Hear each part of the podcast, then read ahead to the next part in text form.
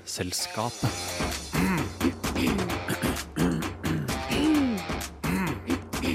Vitenselskapet. Hei, hei. Etter en liten påskeferie med masse kos, men litt lite sol, er Vitenselskapet tilbake igjen. Denne gangen skal det handle om noe som de fleste av oss setter veldig stor pris på, men kanskje også tar litt for gitt. Nemlig lyd.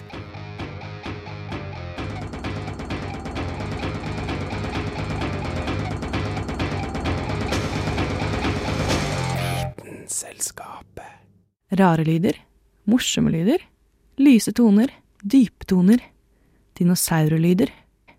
Så ta på deg dine beste høretelefoner, eller skru opp lyden ordentlig godt på anlegget, og sett deg godt til rette i en god stol. Lyd er jo som kjent lydbølger, faktisk trykkbølger. Usynlige vibrasjoner av energi som brer seg i bølger gjennom luften. Øret er designet til å fange opp disse vibrasjonene. Det ytre øret fanger bølgene og leder lyden gjennom ørekanalen og inn i trommehinnen i mellomøret. Mellomøret forsterker lyden. Trykkbølgene slår mot trommehinnen, som får den til å vibrere. Og det er denne bevegelsen som aktiverer tre ekstremt små, ja faktisk mikroskopiske, knokler inne i øret, som forsterker lyden og sender den til det indre øret. Her blir lyden oversatt. Det indre øret er fylt med en væske som også begynner å bevege seg, og puffer til ørsmå, svært sensitive hårceller, som skaper elektriske signaler som hjernen gjenkjenner som lyder. Ganske kult. Men hvorfor er det egentlig sånn at eksempel lyden av en bil eller en buss endrer seg fra den kjører mot oss til den har passert? På fagspråket kalles dette Doppler-effekten. Men hvordan funker det egentlig? Applications of Doppler effect. The Doppler effect. Mange har sikkert hørt om Doppler-effekten, men vet du egentlig hva det er? Hvis du har hørt om det, har du sikkert hørt at det har noe med trafikk å gjøre, og det er jo strengt tatt ikke helt riktig, men kan være ganske greit å illustrere med. Doppler-effekten handler nemlig om bølger, alle slags bølger, også lydbølger. Og den kan forklares slik. Tenk deg at du står i den ene enden av en gate mens det står en bil og går på tomgang i den andre enden. Forferdelig for miljøet, selvfølgelig, men greit for å forklare dette fenomenet. For tenk deg at du så ser bilen ovenfra, og at du kan se lydbølgene. Lyden av motoren skaper ringer utover, akkurat som bølgene på vannet etter at du har kasta en stein uti. Når du står lenger borti gata og hører denne motoren, høres duren temmelig jevn ut. Det er fordi lydbølgene som treffer deg, er jevnt store. Men så begynner bilen å kjøre. Og hvis vi fremdeles ser bilen ovenfra, kan vi se at bilen kjører så fort at lydbølgene foran bilen blir mer sammenpressa, mens bølgene bak blir akterutseilt, dvs. Si at det blir lenger mellom hver bølgetopp. Hvis vi hadde sett dette fra siden, hadde vi sett at bølgene bak bilen ser ut som vide, slake bølger, mens bølgene foran bilen er korte og tett i tett. Og det er det som gjør at man sier at Doppler-effekten er dette. For når du står der i veien og hører bilen komme mot deg for så å kjøre forbi, hører du en tydelig endring i tonehøyden. Det er fordi frekvensen i lydbølgene bestemmer hvor høy eller lav en tone er. Hvis bølgene er tett i tett, høres tonehøyden høyere ut, mens når det går langt mellom bølgene, høres tonen dypere ut. Når bilen kjører, har den med andre ord den høyfrekvente lyden foran seg, og idet den kjører forbi, hører du den på en lavere frekvens og altså dypere tone. Men eh, det som er kanskje mest interessant med Doppler-effekten, har ikke egentlig å gjøre med bil, men med stjerner. Lydbølger er jo ikke alt som finnes der ute. Vi har jo også lysbølger. Det er ikke så himla mye lys vi klarer å se, men vi har jo det såkalte synlige lysspekteret, som går fra lilla til rødt. Lysbølger som er tett i tett, ser ut som lilla, mens lysbølger som det er langt mellom, ser ut som rødt. Dette kan faktisk brukes for å fastslå om stjerner beveger seg mot oss eller fra oss. Vi har jo allerede lært at bølgene på en bil som kommer mot oss, er korte, mens bølgene på en bil som kjører fra oss, er lange. Hvis vi nå tenker at stjernene er biler som kjører helt ekstremt fort, og også er utrolig langt borte, så kan vi, hvis vi har det rette utstyret selvfølgelig, måle om lyset fra stjernebilen er rødt eller om det er lilla. De aller fleste himmellegemer skinner i et såkalt rødskift, som betyr at de fjerner seg fra oss. Dette er et fakta som underbygger teorien om Big Bang og at universet blir større. Det kan også bety at jorden etter hvert kommer til å bli veldig, veldig alene.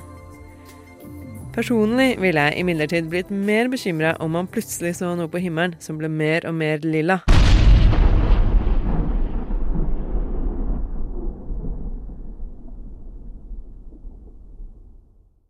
Og det var Kristin Grydland som forklarte deg hva denne sagnomsuste dopplereffekten egentlig går ut på. Vitenselskapet. Vitenselskapet på Radio Nova.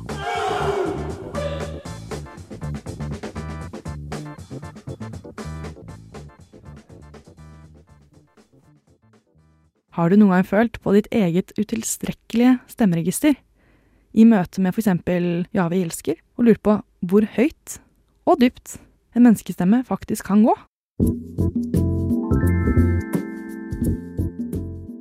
Når vi mennesker hører, som når dere hører stemmen min nå, så oppfatter vi egentlig at molekylene i lufta rundt oss beveger seg i svingninger. Antallet svingninger i lufta per sekund måles i frekvens. Dvs. Si at 20 eh, luftsvingninger i sekundet tilsvarer 20 hertz, mens 20 000 svingninger i sekundet gir en frekvens på 20 000 hertz. Og tilfeldigvis så er det bare lyder i dette frekvensområdet, altså 20 til 20 000 hertz, som et vanlig menneskeøre kan oppfatte komfortabelt. Nå tenker jo ikke vi på lydene vi hører som frekvenser, men vi oppfatter de ulike frekvensene som toner. På et piano gir f.eks. tangenten helt til venstre tonen A0, som tilsvarer frekvensen 27,5 hertz. Dette er den laveste tonen på piano og høres sånn ut. I andre enden av skalaen, helt til høyre på piano, finner vi tangenten for tonen C8, som tilsvarer over 4000 hertz, og høres sånn ut. Piano gir altså både treige og raske, dvs. Si henholdsvis dype og lyse toner. Men hva med menneskestemmen? Hvor lavt og hvor høyt kan den gå? For å finne ut av det, så ser vi på hva det er som gjør at vi i det hele tatt klarer å produsere lyd når vi åpner munnen. Hvorfor kommer det stemme ut av hodet mitt når jeg snakker nå, og ikke bare stillhet? Det er fordi menneskehalsen inneholder et strupehode, som igjen inneholder stemmebånd. Og når vi snakker eller synger, så spenner stemmebåndene sammen og danner en smal luftspalte som luft kan presses gjennom på vei fra lungene og ut munnen. Lufta som passerer gjennom spalten i strupehodet, setter stemmebåndet i bevegelse, som igjen setter luftmolekylene i bevegelse. Og voilà! Lyd er skapt. Jo strammere stemmebånd, jo raskere vibrasjon og høyere frekvens på lyden som slippes ut, og vice versa.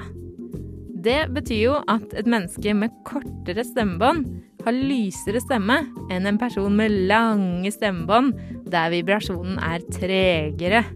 De fleste mennesker kan synge med frekvenser som spenner innafor ca. to oktaver. Eh, og det vil si at vi kan matche tonen fra 13 til 14 tangenter som ligger ved siden av hverandre på et piano. Det fins imidlertid mennesker i verden som kan treffe mange flere toner enn dette. Og siden praksis som regel er morsommere enn teori, så har jeg funnet noen av disse ekstreme tilfellene. Den laveste frekvensen et menneske har produsert, er ifølge Guinness rekordbok litt under 0,8 hertz. Og den tilhører Tim Storms. Og sånn høres det ut når Tim Storms synger det dypeste han kan.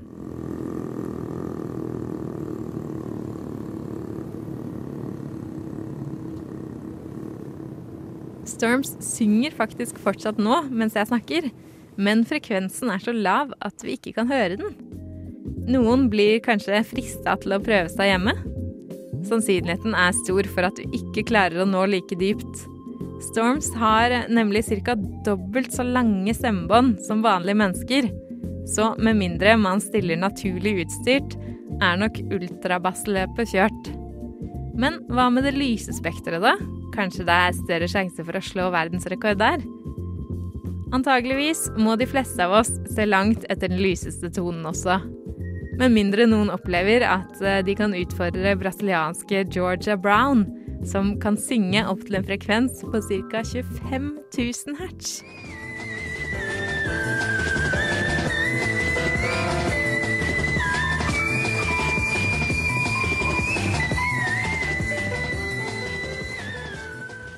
Spørsmålet som mange nå sikkert sitter med, er om høye toner kan knuse glass.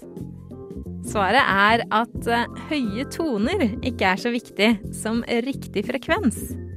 For å knuse et glass ved hjelp av luftvibrasjoner, altså lyd, så må nemlig luftvibrasjonene tilsvare akkurat den frekvensen som setter i gang svingninger i glasset. Denne resonansfrekvensen, som den kalles, avhenger av glasset, urenheter og formen på glasset. Men vel så viktig for å klare å knuse glasset, er at styrken på stemmen er stor. Altså over 100 desibel, og det er høyere enn et trykkluftspor. Så nå er det bare å begynne å øve dere.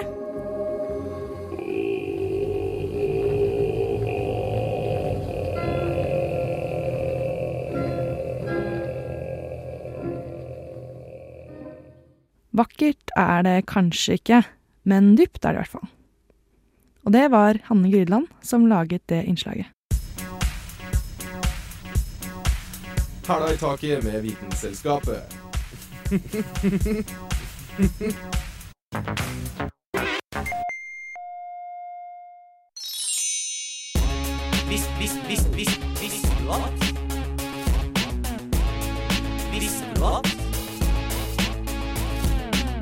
Visste du at det er en fysisk grunn til at mange ikke tåler lyden av negler på en tavle?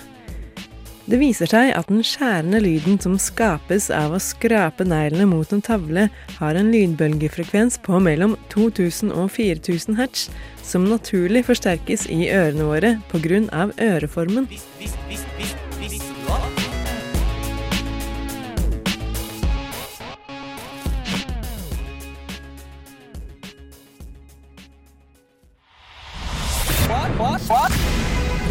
er best. Alle, alle, alle andre er tapere. Radio Nova er best. Radio Nova. best. Radio Nova. Radio Nova. Siden 1982 har Radionova gitt deg Favorittmusikken din før du visste at du likte den.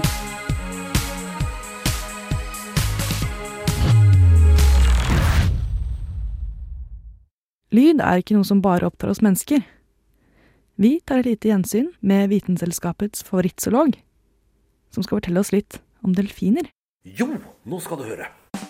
Det som er så spennende med den lille krabaten her Og så stikker den sugesnabelen i deg, og så surper den i deg buksa. Flash, flash, flash. Blim, blim, blim, blim, blim, blim, blim. Jeg heter Petter Bøckmann, og jeg er zoolog. Ta-da! Det er, jo, mange som kan få hørselsskader. Det er ikke bare folk. Det kan jo også dyr få. Det er derfor bikkje og katt gjemmer seg under sofaen på nyttårsaften og, og sånne ting. Noen av de mer alvorlige hørselsskadene vi kjenner til i dyreriket, det er fra delfiner. Delfiner er jo helt avhengig av lyd, for de navigerer med lyd. Og så driver man og skyter seismikk og finner ut hvordan bunnforhold ser ut. Og det. Vi lever jo i en oljenasjon, og da må vi se hva som skjer under havbunnen.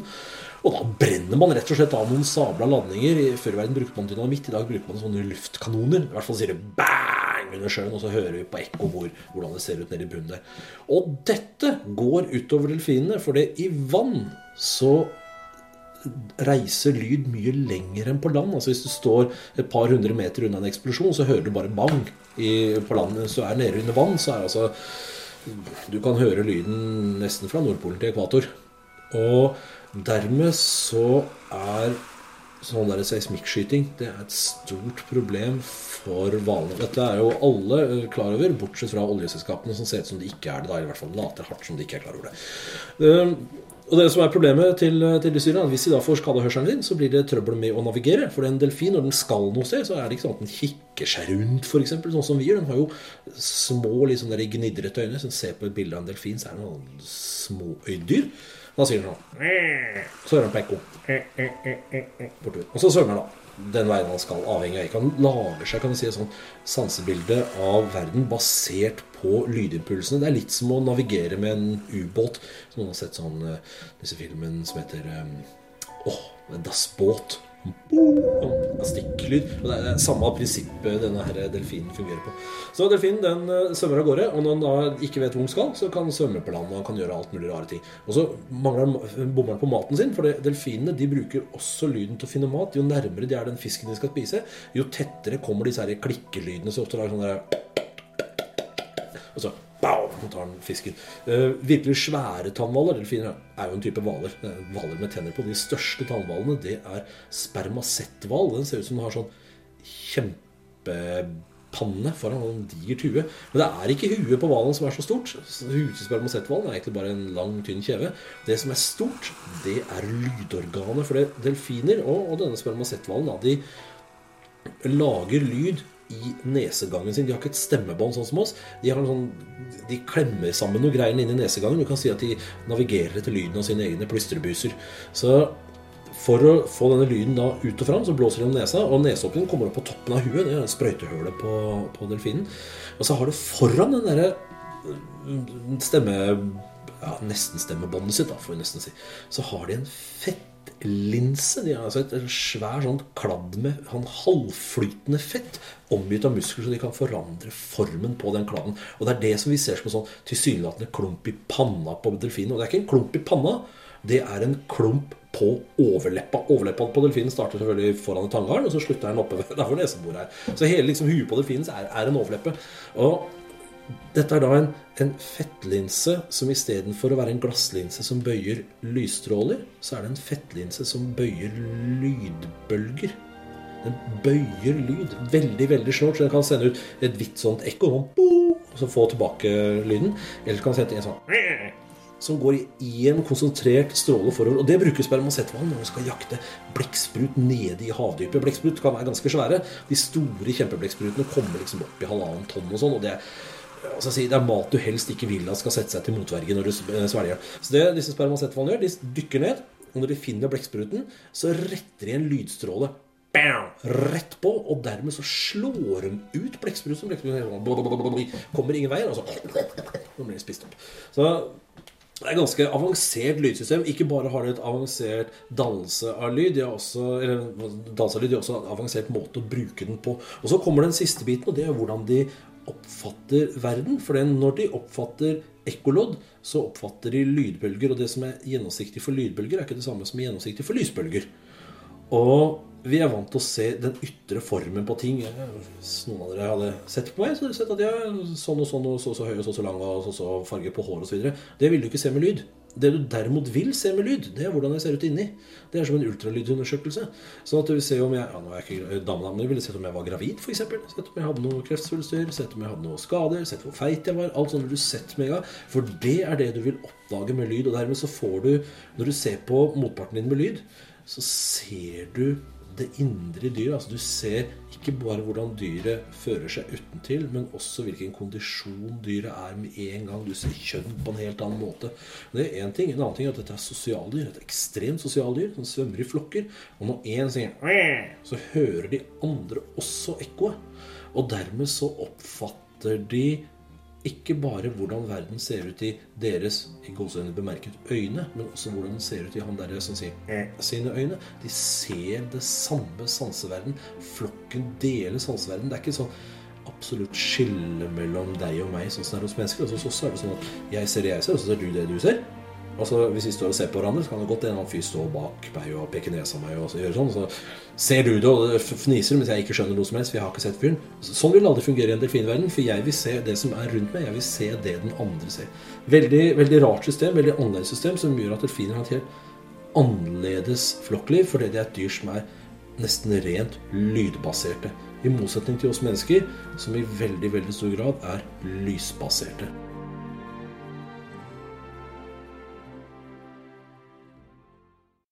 Å vite vet Vitenselskapet.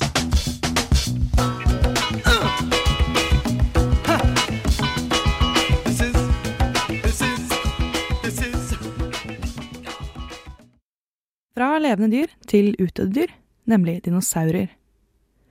Mange av oss har jo hørt brølene til dinosaurer i Jurassic Park eller Night at the Museum. Men hvordan høres dinosaurer egentlig ut? Dag August Schmedling Dramer har prøvd å finne ut av akkurat dette.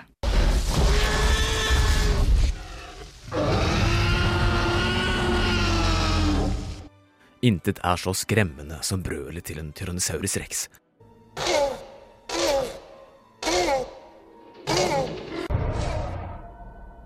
Intet er så illevarslende som påkallingsropet til en velociraptor.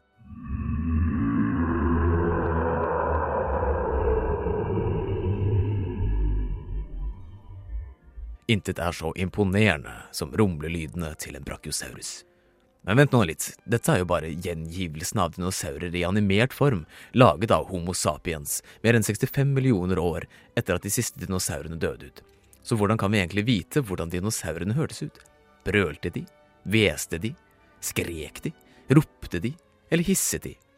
Det er vanskelig å si ettersom det uhyre sjeldent er bevart vev fra dinosaurtiden, og det er vanskelig å gå ut fra noe på bare fossiliserte knokler og skjelettstruktur alene. Hvis man hadde funnet litt vev eller avtrykk av vevet fra eksempel stemmebånd, kunne man mest sannsynlig kommet nokså nære en god rekonstruksjon av et stemmebånd, og dermed en lyd. Det er dette de gjorde i filmen Jurassic Park 3, der de hadde laget et utstøpt versjon av deler av skallen til en velociraptor, en del kjent som resonanskammeret.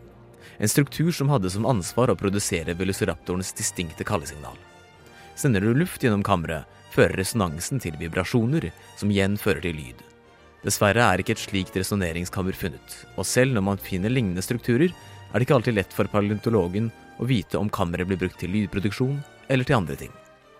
Det man kan være rimelig sikre på, er at dinosaurene lagde lyder, da spesielt de mer sosiale artene, ettersom de trengte å kommunisere med hverandre over korte så vel som lange avstander. Men det kan også tenkes at rovdinosaurer, som de berømmelige velociraptorene og ikke minst Tyrannosaurus rex, kunne lage lyder for å skremme bort konkurrerende rovdinosaurer, eller finne en make, slik man har forestilt seg at den berømte alosauren Big Al gjorde i BBCs dokumentar om hans liv. Dung left by a female Allosaurus has an immediate effect on Al, and for the first time in his life, he issues a mating call.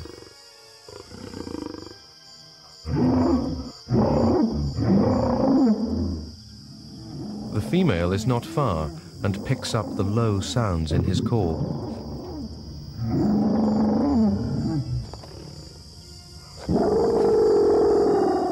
She is much larger than Al. He will have to be careful. Nå er disse ropene fra allosauren Al rimelig imponerende og høye, men mye tyder på at dinosaurene hørtes mer ut som fugler enn nå har trodd. Nå vet vi at flere dinosaurarter hadde fjær, og hvis det viser seg at dinosaurene har flere likhetstrekk med fuglene vi kjenner i dag, er det rimelig å anta at ikke bare fuglers atferd, men også deres lyder, som jo er uløselig knyttet til fuglenes atferd, ligner på dinosaurenes. Men skal vi da anta at dinosaurene kvitret? En artikkel i Evolution presenterer mulighetene for at noen av lydene moderne fugler lager, sånn som kvekking, uling og tuting, opprinnelig stammer fra vokaliseringen til deres forgjengere, non-avianske dinosaurer. Og fugler er jo som vi vet klassifisert som avianske dinosaurer, så parallellen er ikke så lang som den en gang var. Men hva vil dette si? Medforfatteren av artikkelen Julia Clark hevder at vi befinner oss i et ganske annet fonetisk dinosaurlandskap enn det vi er vant til å forestille oss, da det kan være en mulighet for at dinosaurene lagde såkalte vokaliseringer med lukket munn. Dette er kraftige lyder som lages med munnen, eller i fuglenes tilfeller nebbet lukket, og der selve lyden produseres fra nede i halsen.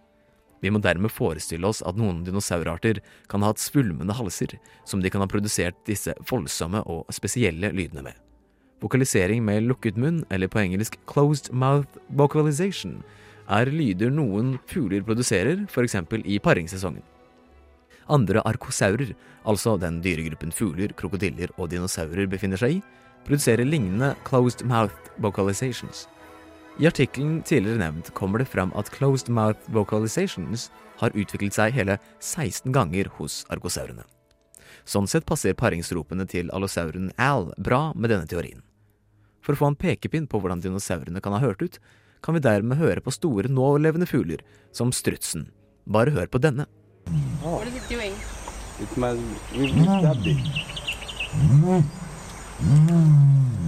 I've never seen it do that.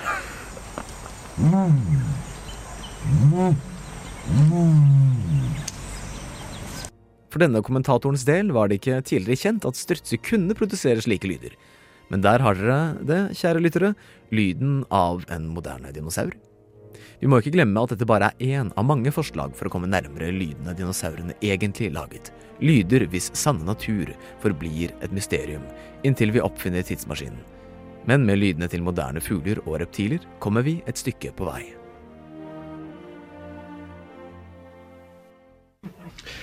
Enough of recent history. Let's go back in a time machine. Time machine, time machine. Two o'clock, five o'clock, three o'clock, six o'clock. All the way to prehistoric times when dinosaurs ruled the earth.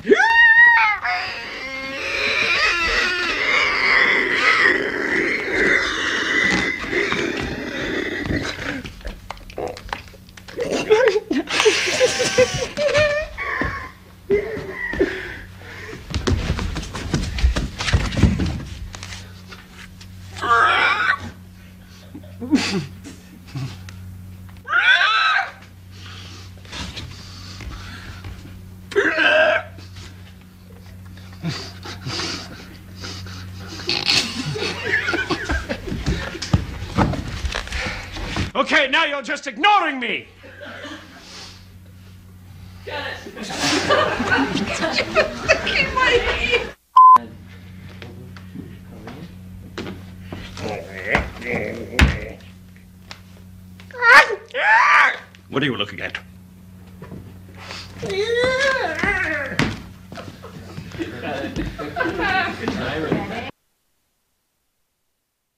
Jim Carrey traff med andre ord kanskje ikke helt på den faktiske lyden av dinosaurer. Men for en performance! Visst, visst, visst, visst, visste du at? Visste du at? Havet er i gjennomsnitt rundt 3600 meter dypt, og det kan sammenlignes med rundt åtte Empire State Buildings oppå hverandre. Det djupeste delen av havet er derimot 11 000 meter dypt, og som tilsvarer 25 Empire State Buildings. Visst, visst, visst, visst, visst, visst, visst, visst, visst, visst, visst, visst, visst, visst, visst, Vitenselskapet.